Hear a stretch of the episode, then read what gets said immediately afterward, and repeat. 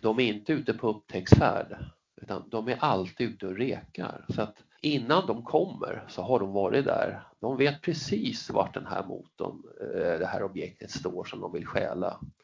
Så att de är alltid ute i förväg och räkar och gör anteckningar om där står den motorn, där står det objektet, där står det.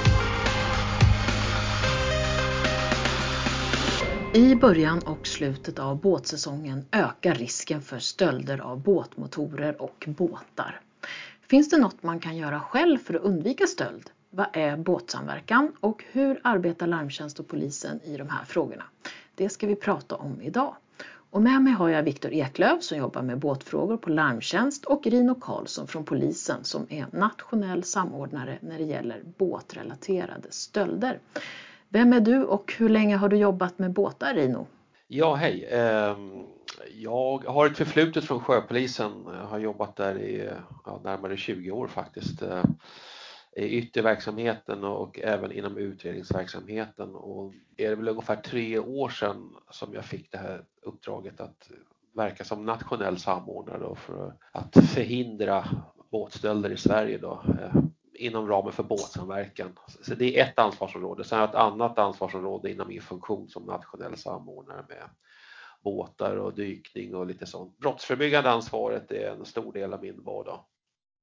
Och Viktor, du jobbar på Larmtjänst. Hur länge har du jobbat där? Jag är ju ny på Larmtjänst sedan eh, åtta månader tillbaka och eh, innan dess så jobbade jag ju på Sjöpolisen med utredningsverksamheten på Sjöpolisen. Nu är ju båtsäsongen eh, slut. Alltså hur ser det ut? Har vi någon statistik? Ökar det? Minskar det av stölder? Jag tycker att vi efterlyser båtar hela tiden. Ja, man kan väl säga att det har ju varit väldigt kraftiga svängningar under det här året, coronaåret. Alltså från att vi hade en dramatisk minskning i eh, mars, eh, april, maj så har det nu börjat tyvärr stegrat om vi, om vi slår ut det här på hela Sverige då och nu pratar vi båtmotorer.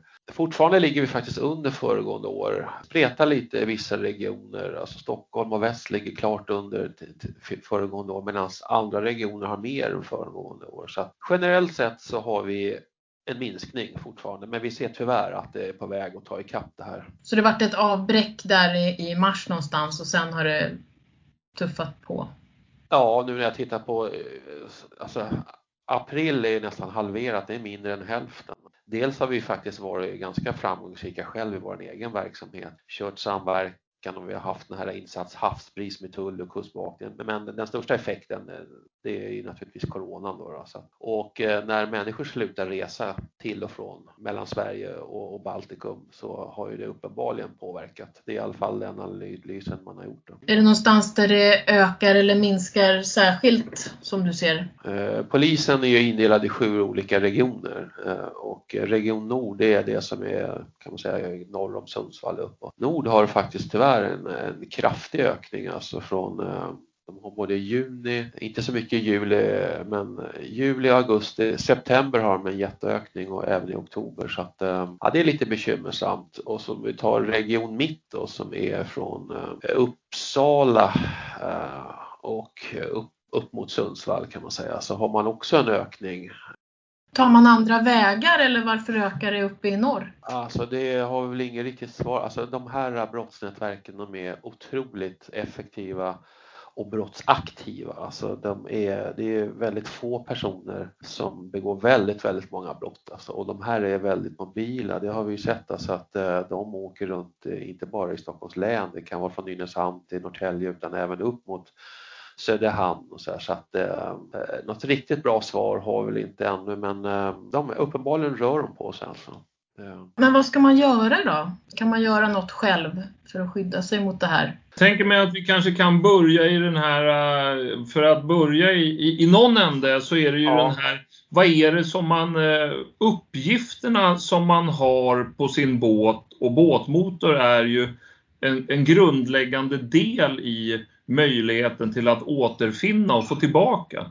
Och även en viktig uppgift för eh, hela kedjan. Att den som äger båt och båtmotor vet vad den har för uppgifter på skrovnummer och motornummer för att sen kunna eh, i samband med en stöld också lämna de här uppgifterna vidare till polisen för att kunna där göra en, en polisanmälan som innehåller sökbara uppgifter. Och hur ska man göra då? Eh, om man inte har det uppskrivet hemma på lämpligt sätt eller använder sig av båtkort som det finns också så, så det enklaste sättet kanske är att man, man tar en bild eh, på sitt skrovnummer. Det sitter utvändigt höger bak på båtar.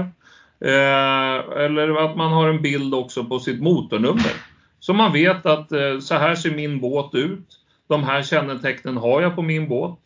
Eh, kanske att man har eh, gjort någon egen speciell del eller eh, man har någon skada någonstans som är typisk för båten eller båtmotorn. Sådana här specifika detaljer som, som, vi kan titta på i samband med att eh, polisen hittar eh, saker i samband med olika insatser till exempel. Alltså vi får ju många kommentarer när vi efterlyser objekt på Facebook och då bland annat så är det många som undrar om båtregister. Hur är det med det där egentligen? Ja, vi har ju inget eh, båtregister som berör alltså, fritidsbåttrafiken. Eh, eh, däremot finns ju om det gäller yrkessjöfart och, och, och vissa större skepp eller, eller fartyg då, så att säga. Men, men eh, alltså 90% eller 95% av fritidsbåtarna, eller båt, det är ju, det finns inget krav på registrering och, och det är ju ett jätteproblem som vi brottas med. Inte bara i stöldsammanhang utan eh, det finns allt möjligt. Vi tar eh, buskörning, det här eh, diskussioner med vattenskoter och vi har miljöperspektivet med båtar som blir övergivna och sjunker. Du har en köpare som vill köpa en båt, gör allting rätt men det visar sig ändå efter något år kanske att den här båten man har köpt och tagit lån för visar sig vara stulen. Så att det finns många olika perspektiv alltså om man tittar på båtregisterfrågan. Eh, och det här är ett jätteproblem, alltså att vi fortfarande 2020 inte har något eh, register för båtar. Jag, jag tycker faktiskt att det är ganska konstigt. Eh, är det en politisk fråga? Det har ju varit några offentliga utredningar genom åren faktiskt. Jag har varit involverad i två av dem faktiskt tidigare. Så att eh, det, det, är lite politik i det, helt klart. Det fanns ju ett båtregister i Sverige som inte lever längre, men där hade man ju eh, tre bokstäver och två siffror. Eh, och det här lever ju kvar på äldre båtar eh, och eh, det är ju det är bara där har man ju en vinst i att båten blir ju unik genom den här märkningen. Och den kan vi många gånger hitta i Larmtjänsts databas och den finns ofta kanske registrerad hos polisen just på den registreringen. Så den hjälper ju till identifieringen av äldre båtar eh, innan skrovmotor, eller skrovnummerstandarden kom 1998.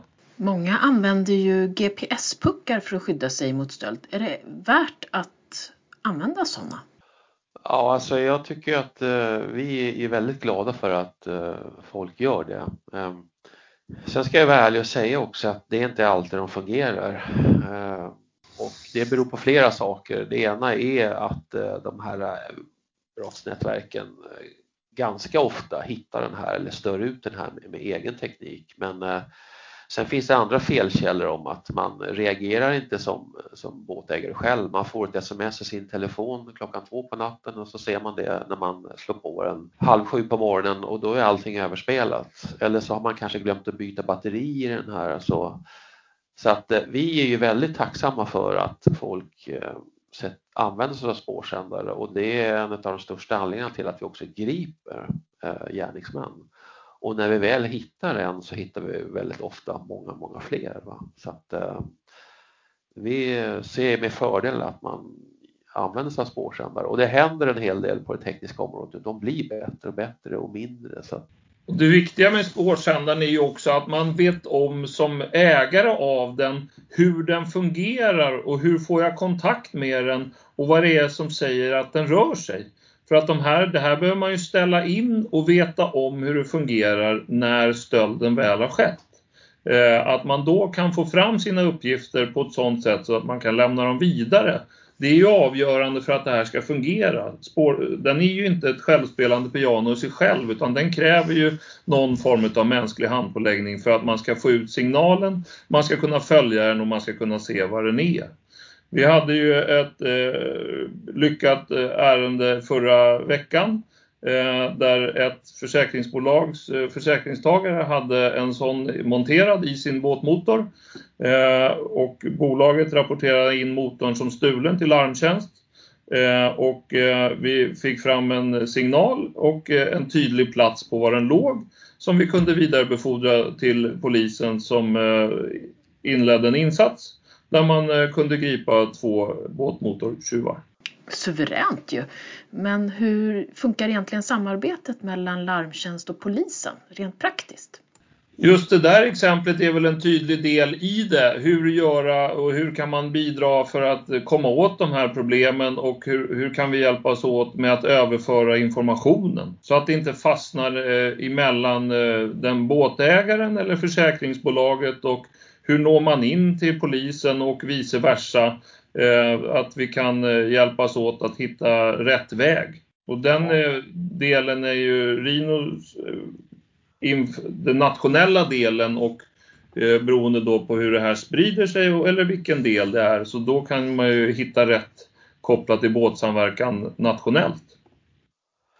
Ja precis, sen har ju vi andra forum också där vi träffas Viktor, där vi liksom pratar framtid och i och med att vi företräder försäkringsbranschen eh, så har ju för branschen vissa önskemål gentemot oss och det har ju faktiskt vi också så att eh, där har vi mycket på gång om man även bortser från det rent operativa. Så att, eh, och det finns en styrka i också att vi företräder olika verksamheter så att man kan komplettera varandra på ett bra sätt. Ja men bra, då kommer vi in på en annan grej och det är ju båtsamverkan som är något samverkansorgan för polis, båtklubbar och larmtjänst också. Hur funkar det egentligen? Väldigt grovt förenklat kan man säga, för allmänheten så är det ju en, en typ av grannsamverkan fast i, ett marint sammanhang. Eh, människor engagerar sig eh, och, informerar varandra och man, är vaksam och så. Eh, det, är, det är allmänhetens perspektiv. Men om man tittar liksom hur vi jobbar inom polisen, vi vi har ju också saker vi behöver bli bättre på. Vi behöver bli bättre på hur ska man utreda det här så att det liksom leder i bevisning. Eh, det som eh, Viktor pratade innan om de här båtuppgifterna, alltså vi har eh, datasystem inom polisen som inte riktigt jobbar med oss. Jag ska inte säga mot oss, men, men det finns utmaningar i det. Det har vi tittat på hur man kan förenkla liksom, så att Därför att eh, det ska bli en träff i registret. Alltså, anmäler man någonting som stulet så ska det också bli en träff efterlyst.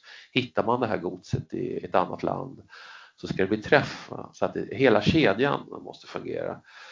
Eh, så att vi har eh, jobbar ju väldigt mycket operativt. Alltså, eh, rent generellt så, så tror vi ganska många när man pratar eller brottsförebyggande verksamhet eller båtsamverkan att det bara har liksom med klubbar och att man delar ut broschyrer och tänk på det här. Alltså, vi har ju ett annat tänk eh, inom båtsamverkan att vi faktiskt jobbar ju operativt. Alltså, vi jobbar ju, samarbetar med Kustbevakningen med Tullen, med andra regioner, eh, spaningsinsatser så att eh, Ja, det är en ganska komplex bit eh, så att eh, det är väl lite grann riktat eh, beroende på, när vi vänder oss till allmänheten så är det ju lite grann hur kan de hjälpa varandra och hur kan de informera varandra via sociala medier och hur kan vi nå dem? Fyller i där också med att det, det, behövs ju också eftersom vi i början pratade här om att det är ett, ett rörligt fenomen som rör sig över över landet. Eh, man styr ju dit det finns tillgång så att säga på motorer och då möjlighet att arbeta och vad är det som gör att det finns möjlighet för dem att eh, stjäla motorer? Vad, vad är det för en plats? Hur ligger de här? Eh, vad har man för bevakning? Finns det, är det upplyst? Är det inhägnat? Alla de här bitarna avgör ju den platsen som de här internationella brottsnätverken går på. Kan man då med hjälp av båtsamverkan både engagera och, och, titta på de här sakerna. Hur kan vi förändra eller göra eh, förbättringar kopplat till våran båtklubb eller där jag väljer att ställa upp min båt. Det gör ju att man får en förflyttning av de här eh, brottsnätverken kommer ju sen att välja en annan plats där det är mer undanskymt, det är mörkare, det finns lättare, det står båtar på eh, till exempel sommarstugetomter. Man vet att båten kommer upp någonstans i september och sen står den egentligen obevakad till eh, mars, april eller runt påsk.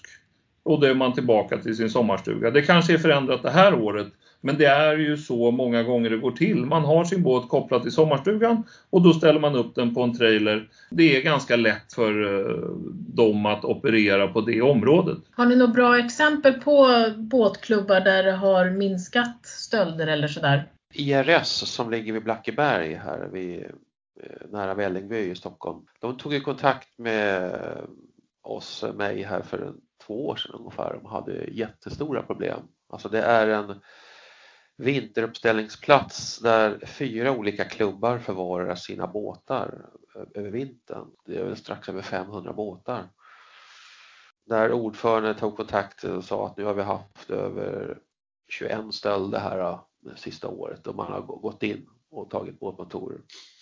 Vad kan vi göra åt det här och, och så. så att, eh, där började vi med att titta liksom på den fysiska miljön. Alltså jag var där personligen och besiktade här och kollade hur det såg ut. Och med ganska enkla medel alltså, så kan man göra väldigt mycket genom att bara använda den geografiska placeringen. Såg jag ju direkt att det var ju väldigt lätt för tjuvarna. Det var ju sju, åtta hål i staketen runt om hela den här platsen. Och man hade kört upp båtarna mot staketen. Så även om man gick på utsidan så kunde man ju se utifrån var det fanns attraktiva stöldobjekt och så. Så att bara en sån grej att flytta båtarna så att man inte gör till ett skyltfönster utan snarare liksom man döljer dem. Man kan ställa de attraktiva båtarna i en klump eh, så att de inte syns utifrån och tar man sig väl in så är det lättare att bevaka därifrån och då, om man nu sätter upp en kamera internt så det, räcker det kanske med en eller två kameror för att istället för att ha jättestora ytor liksom som kanske är som en och en halv fotbollsplan. Som, det skulle vara väldigt mycket kameror om man nu ska kamera. Så att med små enkla medel gör det väldigt svårt. Sen har man dessutom byggt upp lite stöldskydd här med, med staket och sånt där, men de har faktiskt ingen stöld idag. Jag pratade med ordförande här för några månader sedan. Alltså det, och det här är ju ett exempel på som har tagits upp i Båtliv och andra klubbar gör studiebesök på hur, hur, vilken väg man har gjort. Och den största grejen är ju egentligen att man har förändrat uppställningen. Har ni någon checklista där som, som båtklubbar kan gå in och kika på vad det är man ska tänka på? Vi har ingen riktig checklista, vi håller på att uppgradera lite grann. Vi har ju gjort om polisen.se och skriver man båtsamverkan där så har vi lagt upp lite små filmer där jag pratar lite grann om vad man ska tänka på och sånt. Eh, vi har lite andra filmer där men ingen riktig checklista så utan det är ganska mycket geografin som får avgöra vad man har för möjligheter. Eh, om vi tar till exempel det som Victor sa innan, alltså det mest sårbara det är ju de här båtarna som står utanför fritidshuset om man vinterförvarar på tomten. Alltså den är eh, komplicerad. Det är inte så mycket att göra förutom att man kan ta bort den eller dölja så mycket, ta bort från motorn så, men man är betydligt mer sårbar i en sån situation. Det man åtminstone kan göra om man väljer att placera båten på ett sådant sätt, det är ju att man eh, till exempel om man börjar titta på, på den trailer som båten står på, att man försvårar där, att man tar av hela kulhandsken, alltså den man sätter på bilen, så att man inte kan dra iväg den. Man kanske tar av ett däck eller man pallar upp den på annat sätt. Eh, och sen när man tittar även på båten så kan man ju titta på dels vad har jag i båten? Vad är det jag förvarar där? Tar jag ur GPS-plotter? Har jag kvar de här sakerna bara som en sån? Och dessutom om man då tittar på motorn. Eh, många gånger så är ju kåpan eh, passar på flera, eh, alltså den är bara flyttad från motor till motor så den, och dessutom ganska dyr. Eh, så att kan man förvara den på annan plats men ändå skydda motorn så är ju det en fördel. Eh, och eh, man väl, många gånger så stjäl man ju även växelhuset där propellern sitter på båten.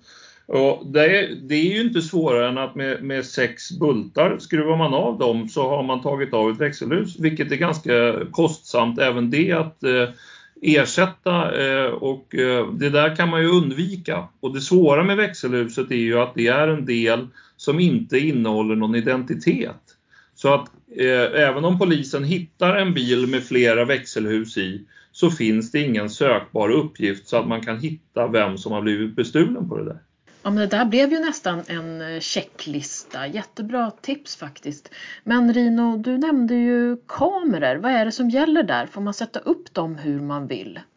Alltså det har ju kommit en ny lagstiftning här nu sedan eh, dryga året tillbaks som innebär stora lättnader. Eh, det finns väl inget eh, så enkelt och bra svar bara rakt av men, men den innebär ju i alla fall stora lättnader för typisk alltså båtklubbsägare, alltså inhägnat område dit allmänheten inte har tillträde, där är ju, den är ganska odiskutabel. Men däremot, alltså, man får inte sätta upp på husknutar och där, där folk promenerar och sånt. Där finns ju starka. Så att där, där får jag nästan hänvisa till Datainspektionens hemsida där. Men Eh, mariner och, och klubbar och, och, och, områden dit allmänheten inte har någon promenadstråk, sånt där, där, där finns ju stora möjligheter att använda sig av teknik.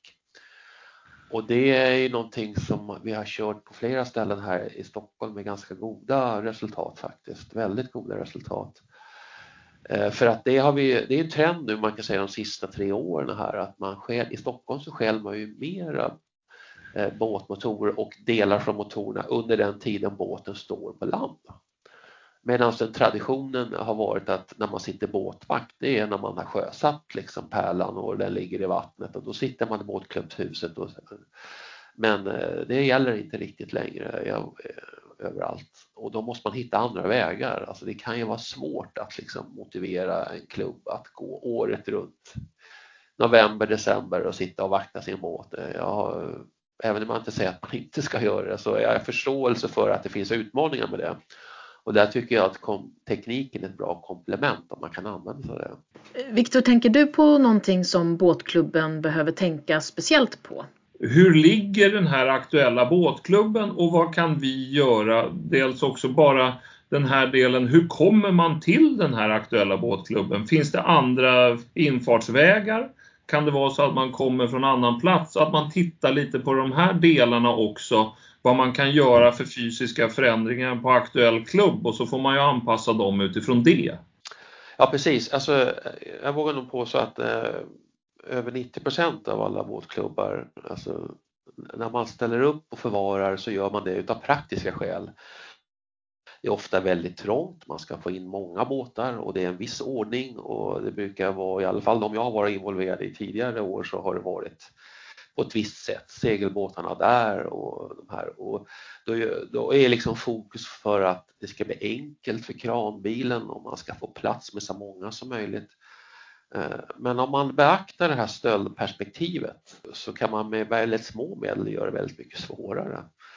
Jag pratar med mariner och såna här eller återförsäljare och sånt. Alltså att de har ju såna här båtuppställningsplatser som en bokhylla ungefär. Att de kan ju ställa de mest exklusiva båtarna eller motorerna högt upp om de sitter monterade så att du i princip måste ha en lyftkran tillgänglig för att komma åt den motorn. Alltså det är med så här små enkla medel så kan du åstadkomma väldigt mycket. Där finns det väldigt mycket att göra. Ja, och det ska man ju ha med sig också just det där hur hur man placerar båtarna och hur man väljer att ställa upp dem på ett sådant sätt. Alltså är det lätt, eh, det är, det är därför man väljer kanske att stjäla när båten står på land.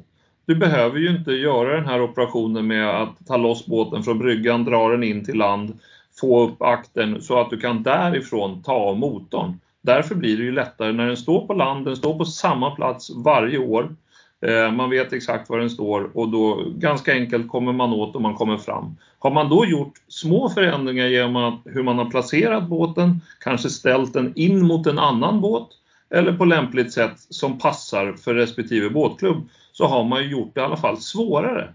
Och sen finns det också en del i den där att eh, man kanske inte behöver ha den här nattvakten dygnet runt, året runt, men man kanske ska ha någonting som gör att eh, behöver vi ha tillgång dygnet runt till vår uppställningsplats även på vintern?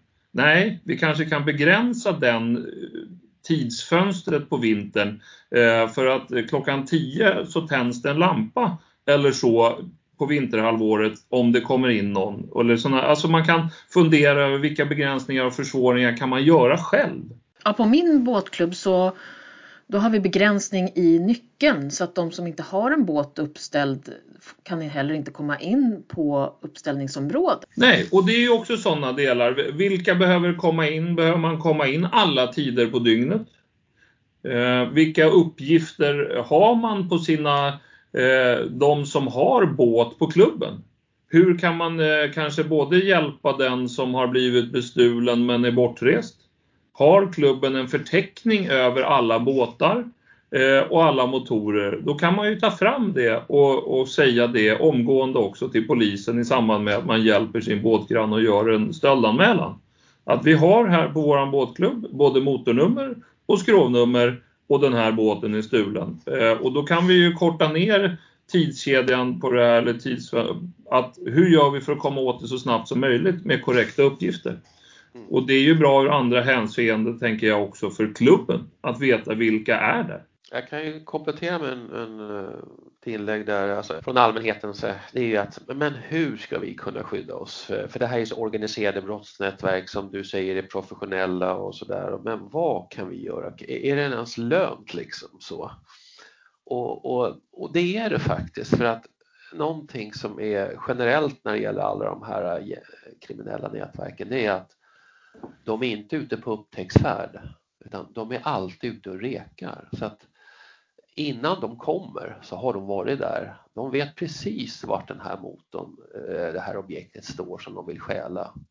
Så att de är alltid ute i förväg och räkar och gör anteckningar om där står den motorn, där står det objektet, där står den. Sen väntar de in rätt timing och, och det är där vi vill att om ni ser någon som är ute och fotograferar, någon som inte verkar vara i klubben, eh, att man fotograferar bilen, eh, är uppmärksam, tar kontakt på ett trevligt sätt.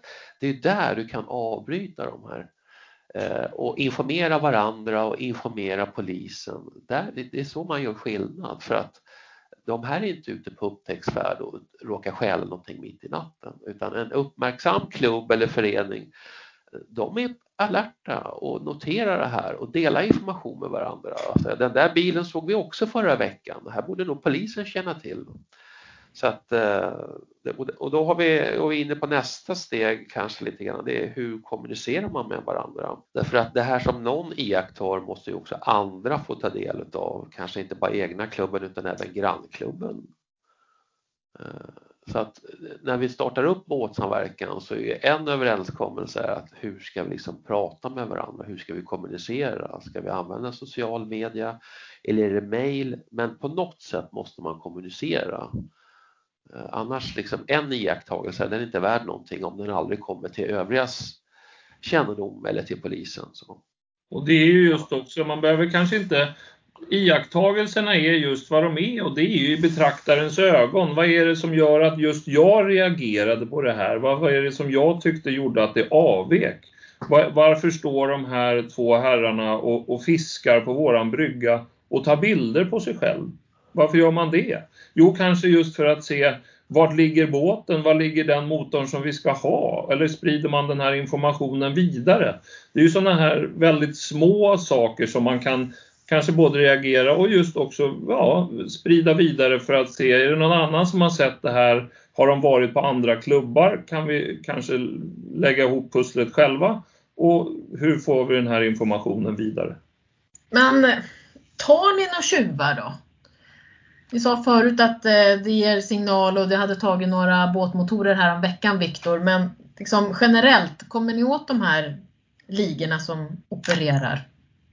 Ja, nu har vi haft väldigt bra utdelning här de sista veckorna faktiskt. Här. Eh, sen är det ju inte så väldigt många olika personer men eh, vi ser ju kraftigt i statistiken att när vi tar tre stycken så kan det gå ner dramatiskt i en region eh, ett par, tre veckor innan det liksom börjar återhämta sig igen. Så att, nu har vi faktiskt några riktigt bra ärenden de sista tre veckors perioden i Region Stockholm som jag känner till. Vet att man har haft i väst också tidigare men Ehm, sen ska jag vara ärlig och säga också att eh, tyvärr så är det ofta ehm, häleri som, som eh, man griper gärningsmän på. Alltså, eh, oftast är det någon typ av lastbilschaufför som blir stoppad i Sverige eller i någon annan del av Europa och det visar sig att man har stulet gods med sig.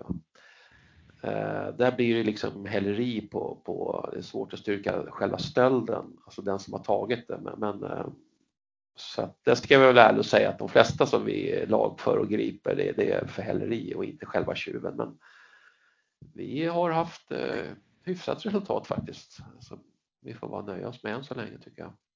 Ja, och de två eh, ärendena som har varit här nu senast, det, ju, det blir ju fort väldigt höga värden på godset eftersom motorerna ofta har ett väldigt högt värde och de här eh, Eh, som är, gör den här typen av stölder, det är ju väldigt medvetet vad de stjäl. De stjäl ju nyare motorer och eh, de stjäl, det går ganska fort för dem. De samlar ihop en 5-6 stycken som man sen eh, skeppar iväg på lastpallar ut ur landet. Och det går ju ganska fort att få upp ett värde över miljonen.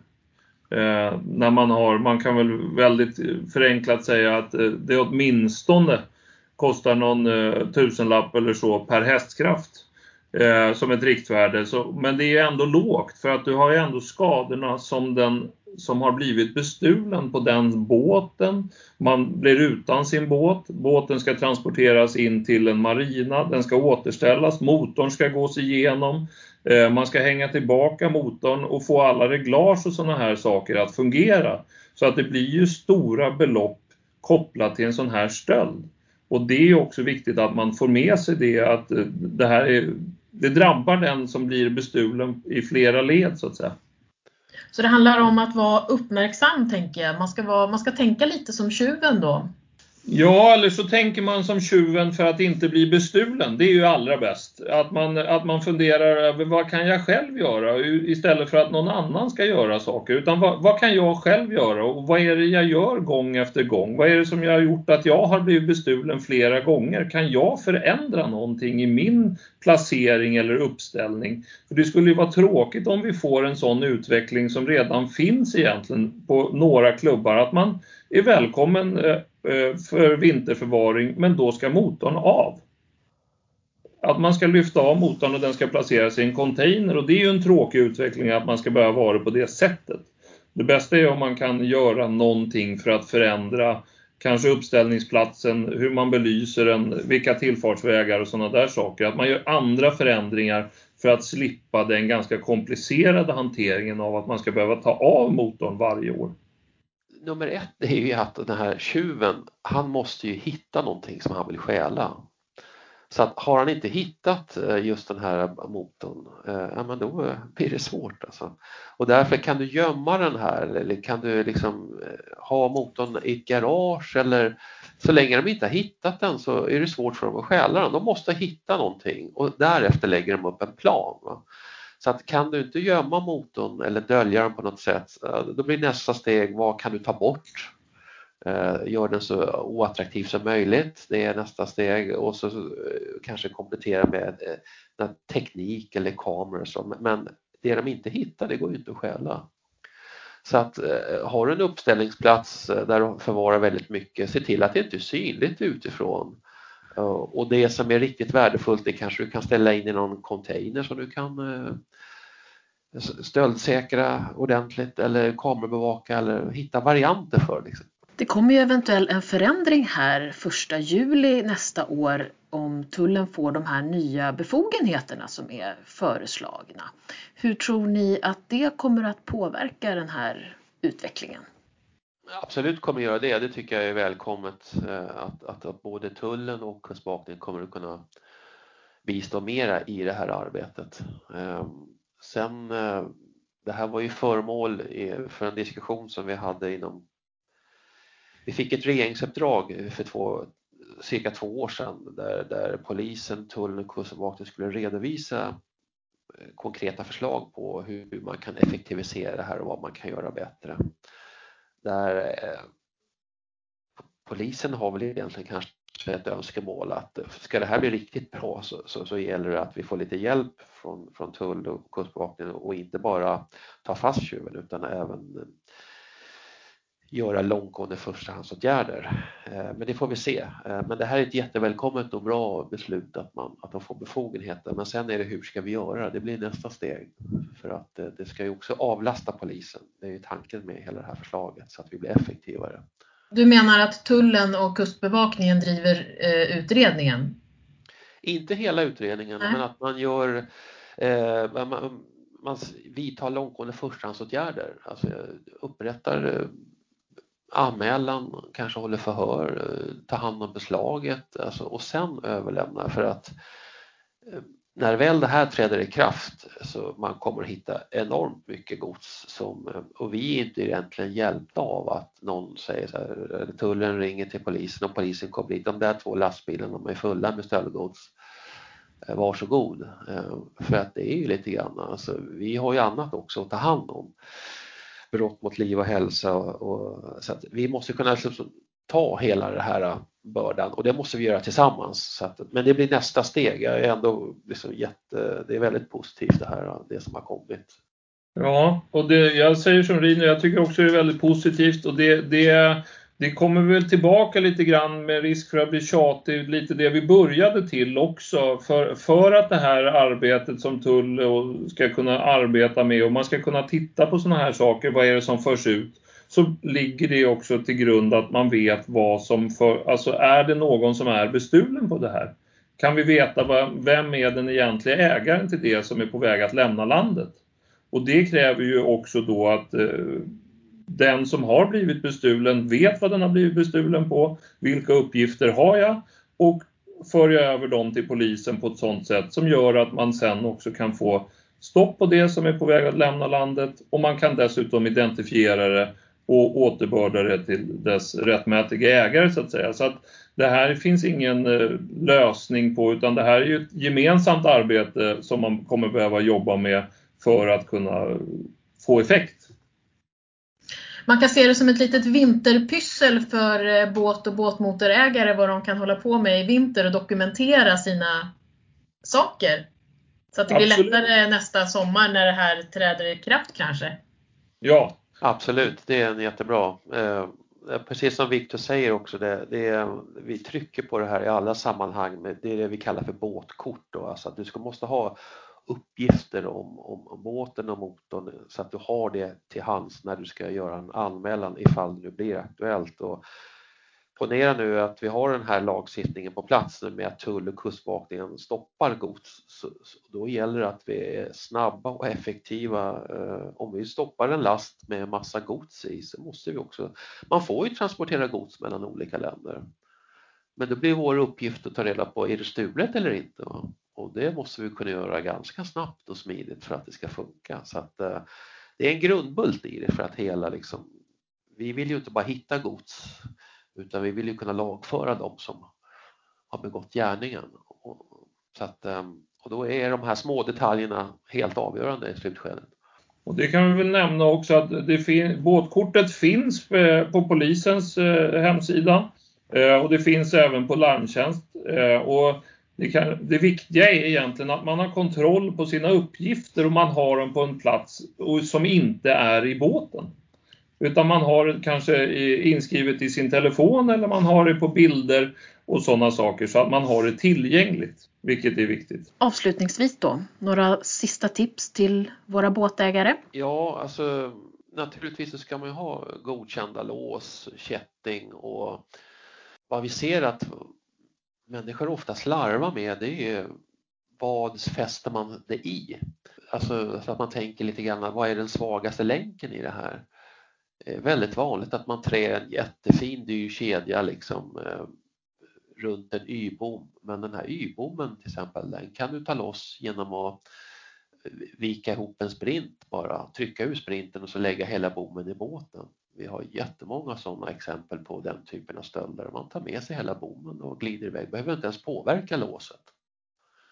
Eh, eller om den sitter i bryggan så är ibland den här öglan, det är bara gänga upp den här, skruva kättingen motur så kan du gänga ur liksom hela öglan. Så att det är sådana här små enkla grejer, alltså svagaste länken eh, innan man bara tänker på att man ska köpa dyra lås och kedjor. Såklart ska man ha godkända grejer men att man tänker helhetsperspektiv. Och sen om vi nu tar till exempel trailar här och sånt där, alltså min personliga favorit är egentligen faktiskt inget lås alls. Alltså, ta bort handsken som, som, eh, som eh, man kopplar till kulan.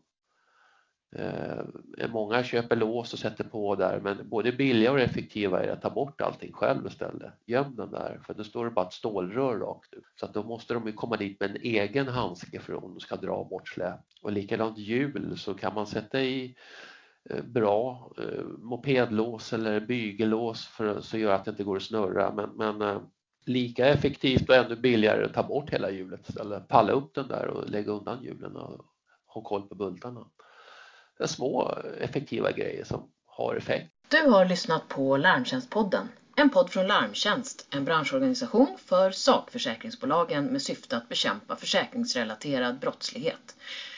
Efterlysta objekt hittar du på larmtjänst.se och vi finns också under namnet Stöldtipset på bland annat Facebook och Twitter. Följ oss gärna där. Tack för att du lyssnade. Vi hörs igen.